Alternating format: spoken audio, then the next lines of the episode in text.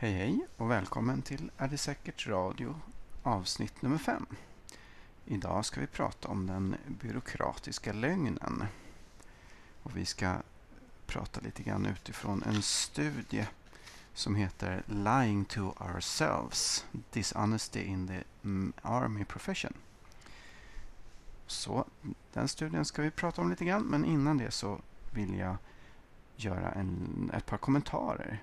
Som jag pratade om i avsnittet om Förintelsen så gick ju Sigmund Baumann, sociologen, bort här i januari 2017.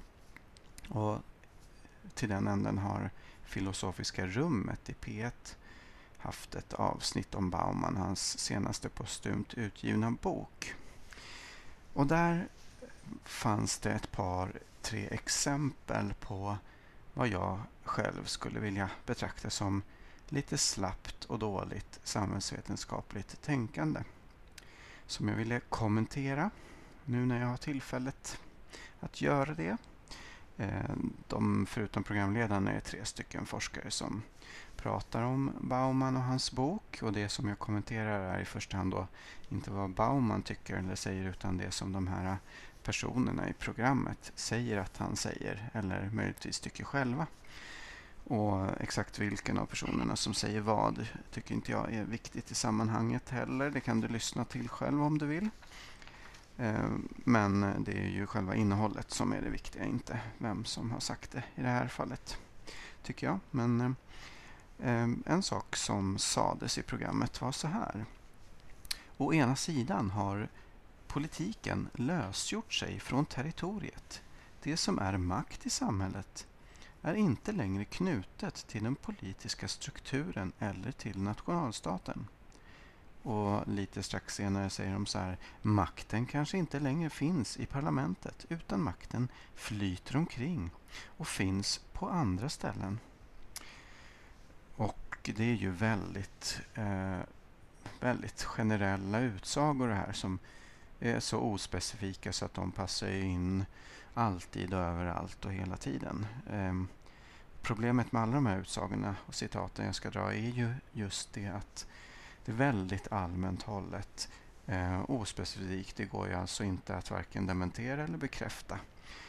Eh, löst, eh, löst förankrat i empiri ehm, och eh, ja, allmänt hållet. Och det hjälper ju så att säga oss inte att förstå någonting om man bara säger sådana här ganska lösa, slappa saker. Eh, ja, som där på slutet som ni hörde. Makten flyter omkring och finns på andra ställen. Eh, det där är ju kanske delvis ett arv från eh, ja, postmodernismen eller någonting sånt där. Där man liksom ser makt som en entitet för sig själv i många fall. Man pratar om makten som att det vore ett handlande subjekt. Eh, det är ju en absurd tanke eftersom makt är en relation i alla rimliga tolkningar av ordet. Makten har ju inget, det finns ju inte en makt som är ett subjekt som kan handla själv. Eller det kan man ju tro om man vill, men då får man väl bevisa det i sådana fall. Um, och det här med territoriet och nationalstaten och makten och att det skulle vara knutet till politiken. Att det allt förr i tiden i någon slags förflutet bara fanns makt inom den politiska sfären. Det är ju helt enkelt inte korrekt. Huruvida det finns mer eller mindre makt i den politiska sfären idag än för två år sedan, eller än för tio år sedan eller 50 år sedan. Eh, det är ju en fråga man kan undersöka. Inte särskilt lätt att svara på. Men eh, man skulle kunna undersöka det, men det hjälper ju inte att göra sådana här allmänna svepande formuleringar. Nu kommer ett par citat till. Här kommer det. Vi har gått från att vara medborgare till konsumenter. Det är också en sån här klassisk klyscha. Eh, kanske har vi alltid varit både medborgare och konsumenter. I alla fall sedan någon typ av, jag vet inte vad, den moderna statens framväxt. Um, huruvida vi är mer medborgare och mindre konsumenter idag eller tvärtom. Det är ju lite samma sak där som politiken och makten. En fråga som kanske går att under, undersöka. Inte särskilt lätt att svara på. Men man kan ju säga så och få det att låta fint. Eh, eller något. inte bra. Nästa citat. Politiken är inte längre Ehm, politiken e, erbjuder inte längre några lösningar eller visioner. Ja, det kan man ju för sig tycka. Ehm, ja, jag vet inte om det är korrekt, det beror på vem man frågar. Och här kommer det sista, lite längre citatet. När han, alltså Bauman, diskuterar konsumtion och konsumism så blir vi också på ett slags vi blir alltså ett slags produkter själva. Det kan man se väldigt mycket i sociala medier och när vi skriver CVn eller liknande. Hur viktigt det är att man marknadsför oss själva. Och vi har faktiskt blivit varor på arbetsmarknaden. Vi säljer oss själva. Och I sammanhanget så förstår man att det här handlar om eh, modern tid nu, senaste åren eller något åt det hållet. Den senaste moderniteten efter murens fall, vad vet jag. Eh, att väldigt många av oss i samhället, i västvärlden och i stora delar av världen i övrigt säljer våran tid och vårt kunnande och i gengäld producerar någon typ av vara eller tjänst och får en lön i ersättning. Det är ju ett faktum eh, som inte går att argumentera mot och dessutom så har ju det är någonting som har pågått väldigt länge. I och för sig har det ju brett ut sig Ehm, ja, under en lång tid men man kan väl säga att det börjar kanske på 1700 i alla fall på 1800-talet och långsamt blir mer och mer vanligt den relationen från då tidigare att man varit då kanske självägande bonde eller alternativt då någon typ av tjänstehjon eller någonting sånt där, majoriteten av människorna. Det beror på vilket land och vilken tidpunkt man kollar på. Men att vi skulle blivit några som säljer oss själva på en marknad på senare tid, det är ju helt enkelt inte korrekt. Problemet med att man liksom uttalar sig så här svepande det är ju att det ger ju faktiskt ingen grund för att bättre förstå samhället överhuvudtaget. Utan det är just svepande generaliseringar på tveksam empirisk grund. Och det hör inte hemma inom samhällsvetenskapen eller någon annanstans. Det borde man bara släppa. Det var helt enkelt dåligt. Och jag önskar att man inte ska fortsätta göra så inom samhällsvetenskapen. Mm, inte för att jag hyser några större förhoppningar, men i alla fall. Med de orden lämnar vi de kommentarerna och går över till dagens ämne som alltså är studien som heter Lying to ourselves, Dishonesty in the Army Profession. Den är skriven av två författare, Leonard Wong och Stephen J. Gerres. Och de är då aktiva, verksamma inom eh, US Army War College. Eh, där de har skrivit den här eh, studien. Um, jag eh, upptäckte den här studien via en intervju med eh, Leonard Wong, alltså ena författaren, som jag hörde i podcasten som heter STEM Talk nummer 29. STEM, S-T-E-M Talk, som man kan hitta i podcastappar då såklart. Eh, det är en podcast som görs av IHMC som står för Florida Institute for Human and Machine Cognition. Eh, det finns också på nätet då såklart som man kan lyssna på och hitta. Eh, man kan också se föreläsningar med den här Leonard Wong på Youtube. Det är bara att söka på hans namn, Leonard W-O-N-G. Och själva studien hittar man enklast om man söker på titeln alltså. Lying to ourselves, Dishonesty in the arm of profession.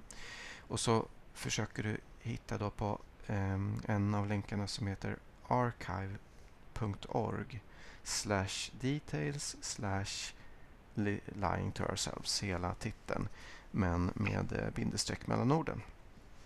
Om du går på den länken så hittar du förhoppningsvis den här eh, studien som pdf som man kan ladda ner och läsa. Och då är det så här att den handlar om hur man inom den amerikanska militären, armén i första hand, men även de andra grenarna, eh, att de så att säga kan belägga att eh, det byråkratiska lögnandet, som jag då kallar det här avsnittet för. Vilket alltså går ut på att eh, man i har gjort så att systemet som eh, organisationen som man arbetar inom gör att människor måste inom citationstecken ljuga och skarva med sanningen för att navigera genom eh, sin tillvaro i organisationen. Och Det här sker på några olika sätt som jag ska gå igenom. Då, det som de skriver.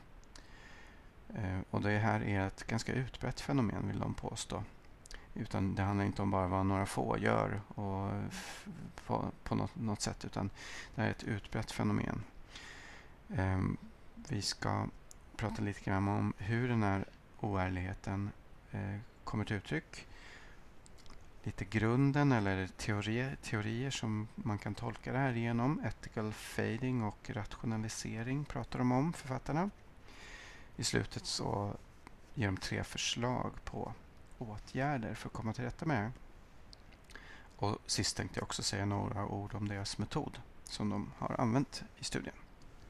Och anledningen till att eh, jag vill prata om den här studien ska jag också såklart säga. Det är ju i och för sig så att själva studien är intressant i, i sig självt, eh, tycker jag i alla fall. Men huvudsyftet till varför det är intressant och värt att, att, prata om i en svensk kontext, det tycker jag väl är att det såklart går att hitta likheter och tänka sig att överföra de här slutsatserna på andra organisationer, även här hemma hos oss. Eh, till exempel i kommunen eller i ett stort företag eller någon annanstans där man jobbar att det finns eh, delar av det här som då verkar vara extremt och utbrett inom, inom den amerikanska armén. Eh, det finns aspekter av det även i många saker som vi gör här hemma. Eh, både organisatoriskt men även de här delarna kring det digitala, att man använder teknik och sånt, att det gör att det är lättare att eh, ljuga som vi kommer att prata om. Eh, det, sådana aspekter finns såklart här också. Och lite på samma sätt som att jag tycker att eh, Förintelsen kan lära oss väldigt mycket om saker även i eh, väldigt mycket mindre extrema situationer så är ju den här studien ett exempel på en, eh, en organisation som har dragit väldigt många saker till sin spets och till sin extrem. Men det finns som sagt, tror jag, eh, i mindre form och inte lika utbrett även i en stor mängd andra organisationer. Så därför kan det ju vara intressant att veta mer om. Det är ju min tanke i alla fall varför jag har fördjupat mig i detta själv. Eh, nå, nu börjar vi lite mer med själva studien. Om vi då börjar med själva oärligheten, den byråkratiska oärligheten eller lögnen, så är den mest, eh, det de tar sitt utgångspunkt i är det faktum att den obligatoriska träningen och utbildningen som läggs på de verksamma i försvaret, i armén. Eh, för en längre tid sedan, tio år sedan drygt, så gjorde eh, den här författaren Wong en genomgång av, eh, av träningsdagar och all, all, all träning man skulle genomföra. Det var någon av hans chefer eller någonting sånt där som ville ta reda på varför ja, eller hur det kunde komma sig att det fanns en brist på um, påhittighet uh, och kreativitet. Eh, och undrade om det kunde bero på att man har så många saker man måste göra. Och då gjorde Leonard Wong den här studien då för tidigare där han kom fram till att man krävde 297 träningsdagar allt som allt. All alltså träning som tog 297 dagar i anspråk. Men de dagar som fanns i anspråk för att genomföra den här träningen på var bara 256. Och det är ju lite utav ett omöjligt uppdrag. Och här kan man ju såklart se det som att det, här har vi en orsak till att man inte har tid att vara kreativ. Ehm, det som Leonard eh, själv tänkte på var men hur kan det då komma sig att nästan ingen rapporterar att man inte utför sina uppgifter? är det så att det finns 40 dagar för lite att genomföra sin obligatoriska träning på, hur kan det då komma sig att ingen rapporterar att man inte genomför massa saker? Och den här frågan har han då utrett eh, tillsammans med sin medförfattare i den här studien. Och det, eh, det handlar om att det här, eh, den obligatoriska träningen det kan vara av alla möjliga slag. Eh, framförallt har det pågått nu genom eh, digitaliseringen att man mer och mer kommer eh, fram till eh, övningar och uppgifter och utbildningar som ska ske via nätet. Man ska lyssna, titta, göra, rapportera att man har gjort. Eh, och man är väldigt mån om att lägga till nya träningsmoment som man tycker är bra. Men det försvinner så att säga aldrig någonting i andra änden så det blir bara fler och fler. Och det här gäller både då enskilda anställda, gruppledare och högre befäl som ska rapportera att man har gjort. Men då rapporterar man rimligtvis inte helt ärligt om man säger att man har gjort det.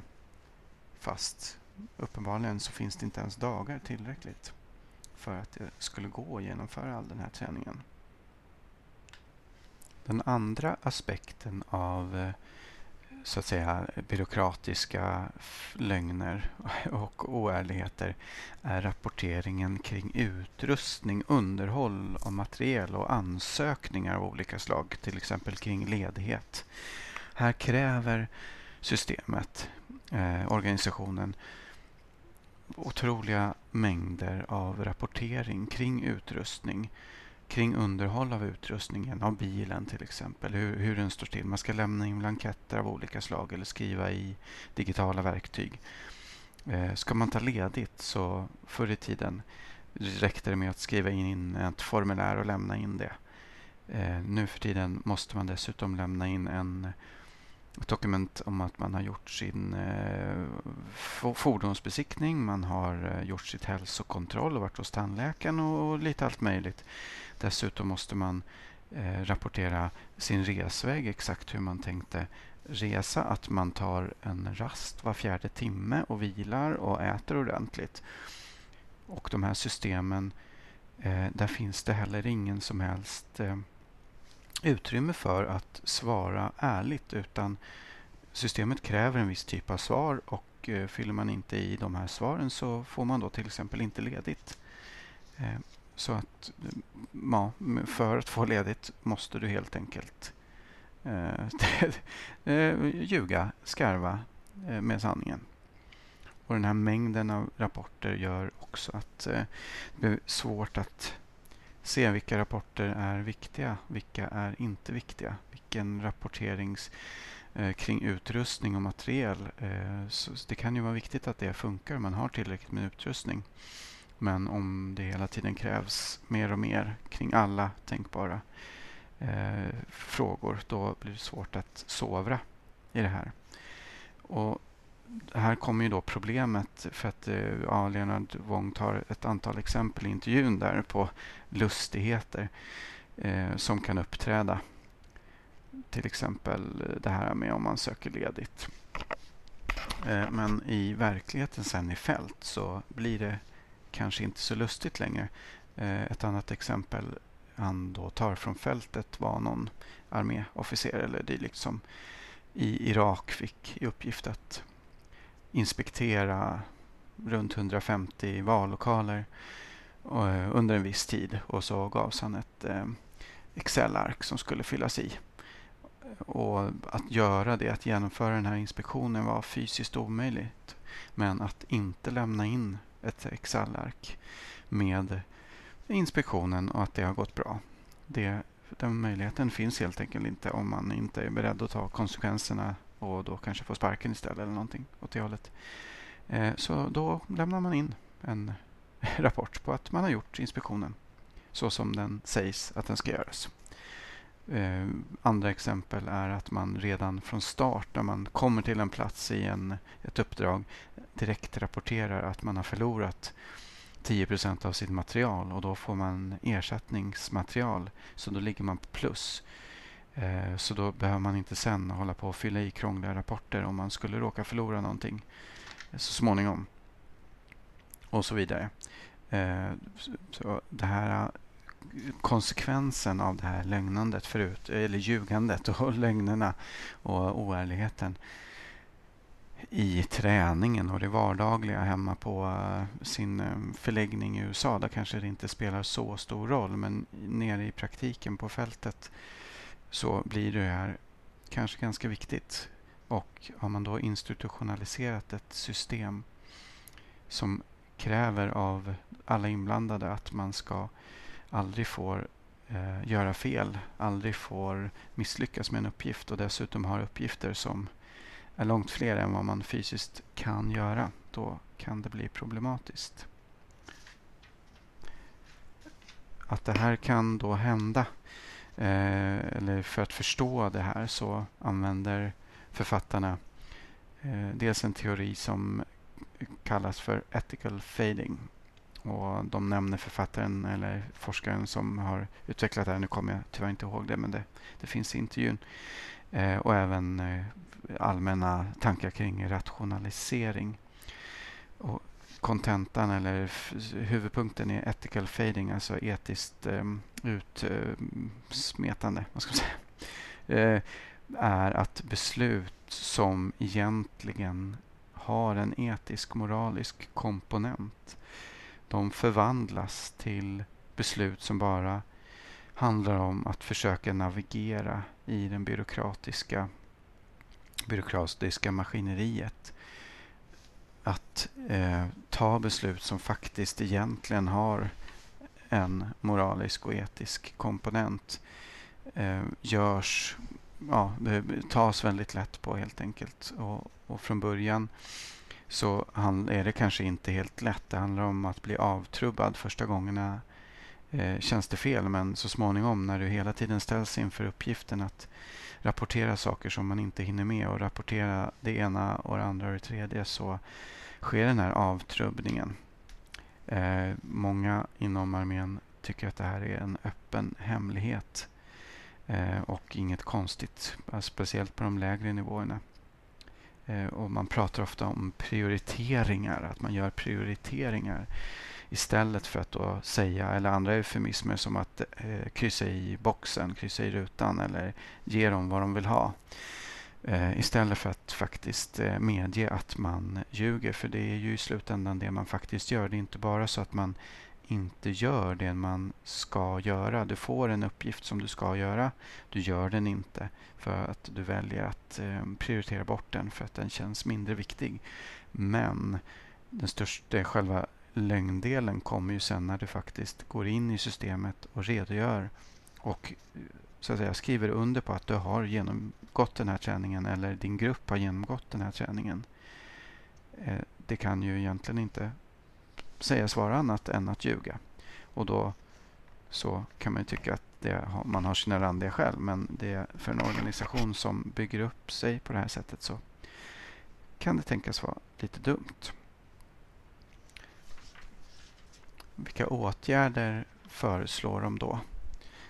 Eh, det finns tre stycken grundläggande åtgärder som de föreslår och det är att uppmärksamma problemet, att eh, inskränka kraven och att leda sanningsenligt. Att man genom de här sakernas tillstånd har så att säga överlåter till var och en, individerna i armén eller gruppledarna eller de lägre befälen att prioritera och eh, göra det man tycker verkar viktigt. Det är så det går till i praktiken. Och eh, om man så att säga inte uppmärksammar det här problemet så, så lämnar man ju då till eh, var och en att eh, bestämma vad som är viktigt. Vilka av de här göromålen som man ska utföra. Vilka rapporter man tänker att man ska fylla i. Ehm, och det får ju som sagt konsekvenser i praktiken. Ehm, och armén håller sig ju med ganska starka åsikter och, om vilka värden man står för, om integritet och heder. Men i praktiken så kräver man då noll defekter, 100 procents ehm, Eh, tillförlitlighet och, till, och 100% deltagande i alla saker. Att man ska kryssa i rutorna. Och arméns ledare de står så att säga i mitten mellan det här och ska försöka navigera i det här eh, lite knepiga, knepiga landskapet. Eh, att eh, uppmärksamma problemet skulle då alltså vara att helt enkelt eh, på, på alla nivåer och i, i armén som organisation uppmärksamma att det här är ett reellt problem som man eh, inte borde låta sig själv leva med. Eh, och därför måste man ju då ta konsekvensen och inskränka kraven och faktiskt ta gemensamma beslut. Nu är ju armén en eh, hierarkisk organisation så man kan ju tänka sig andra organisationer så det sker det mer demokratiskt men det som författarna säger att man måste ju då på den högre nivån bestämma sig för vilka aktiviteter ska man göra? Vilka aktiviteter och utbildningar är viktiga? Vilka rapporter är viktiga? Vilka ska faktiskt tas bort eller ges mindre utrymme?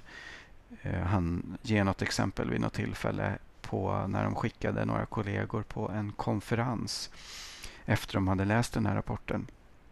Och Då kräver konferensansökan att man anger att det är mission critical, alltså det är kritiskt för den här, vad man nu håller på med, att man får gå på den här konferensen. Och Då skrev de helt enkelt i att det var inte mission critical att besöka den här konferensen.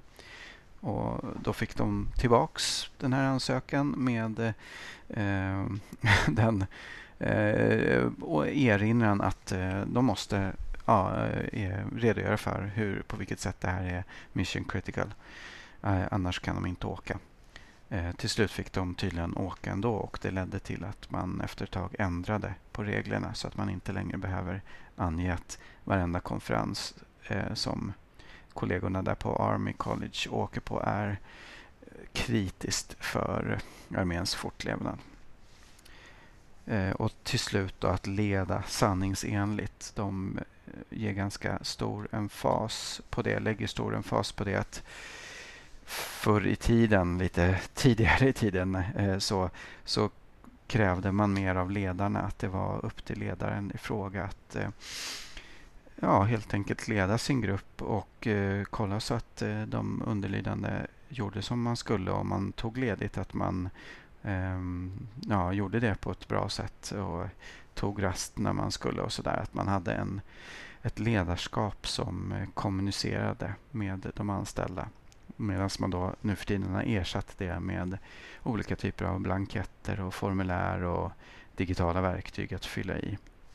Och de vill helt enkelt se en återgång till ledarskapet, att det direkta ledarskapet, ansikte till ansikte mot ansikte, ska få större eh, inverkan och eh, vara betydelsefullare i hela organisationen och att man ska leda då sanningsenligt och faktiskt ange att man inte har genomfört vissa saker om man inte har genomfört det. Och den här sanningsenligheten måste ju gå igen i hela organisationen om det ska vara någon mening med det, påpekar de.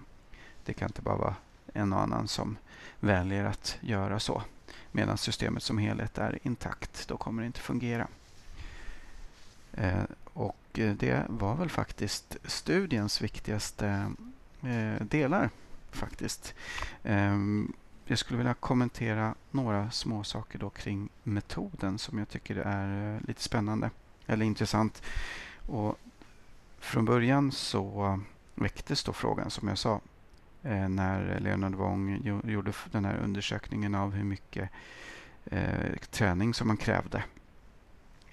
Eh, och då att han började tänka på hur kunde då komma sig att eh, alla, alla rapporterar att man genomför allting till 100 procent. Det är ju inte möjligt.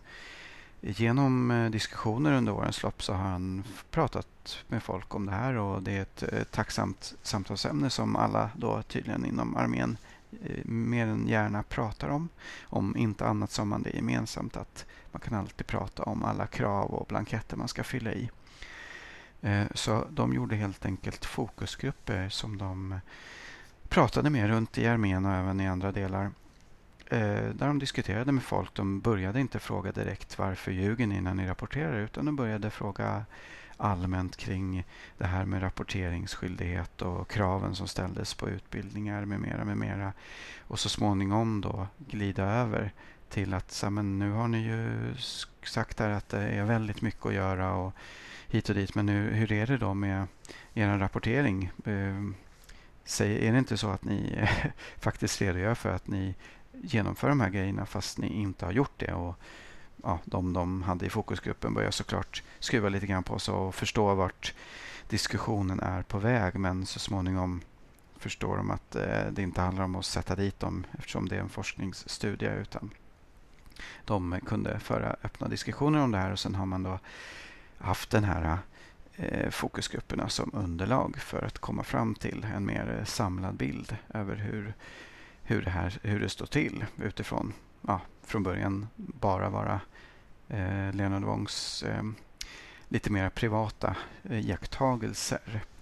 Och det här kan man ju tycka, eller i alla fall tycker jag är lite spännande att det är en ganska eh, ganska gedigen studie som ändå bygger på en eh, väldigt kvalitativ metod som man kanske inom vissa discipliner inte tycker är så så, så fantastisk. Eh, det finns ju inom samhällsvetenskapen och vetenskapen kanske i övrigt någon typ av falsk dikotomi mellan kvalitativ och kvantitativ metod som man gärna fortsätter att förmedla eh, av mig, för mig okänd anledning. Och Jag vill bara passa på här att påpeka och påstå att eh, det alltid finns kvalitativa delar i en kvantitativ undersökning och tvärtom.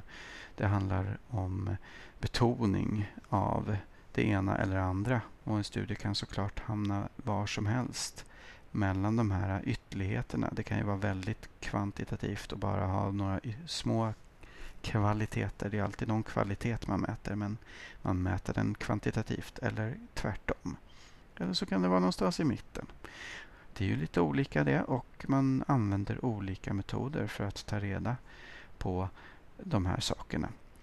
Eh, konstigare än så är det inte enligt mig. Du kan såklart inte använda samma typ av metoder när, man går, när själva studien går till på olika sätt. Att räkna någonting är någonting annat än att intervjua saker, intervjua människor kring olika fakta och tolkningar. Såklart ingenting konstigt, men de här två sakerna är ju på intet sätt eh, i någon slags dikotomi eh, motsatta varandra utan de är snarare komplementära. Skulle jag vilja hävda och om du skulle vilja försöka bevisa motsatsen så vill jag självklart eh, höra goda argument för det. Det vore väldigt intressant att ta del av. Eh, skulle du vilja kontakta mig i det ärendet eller något annat så går det jättebra att skicka ett mejl till ardetsakert.gmail.com är det säkert alltså, at gmail.com. Min eh, blogg hittar man på ärdesäkert.blogspot.com. Och det var allt för detta avsnitt. Tack så mycket för att du lyssnat och på återhörande.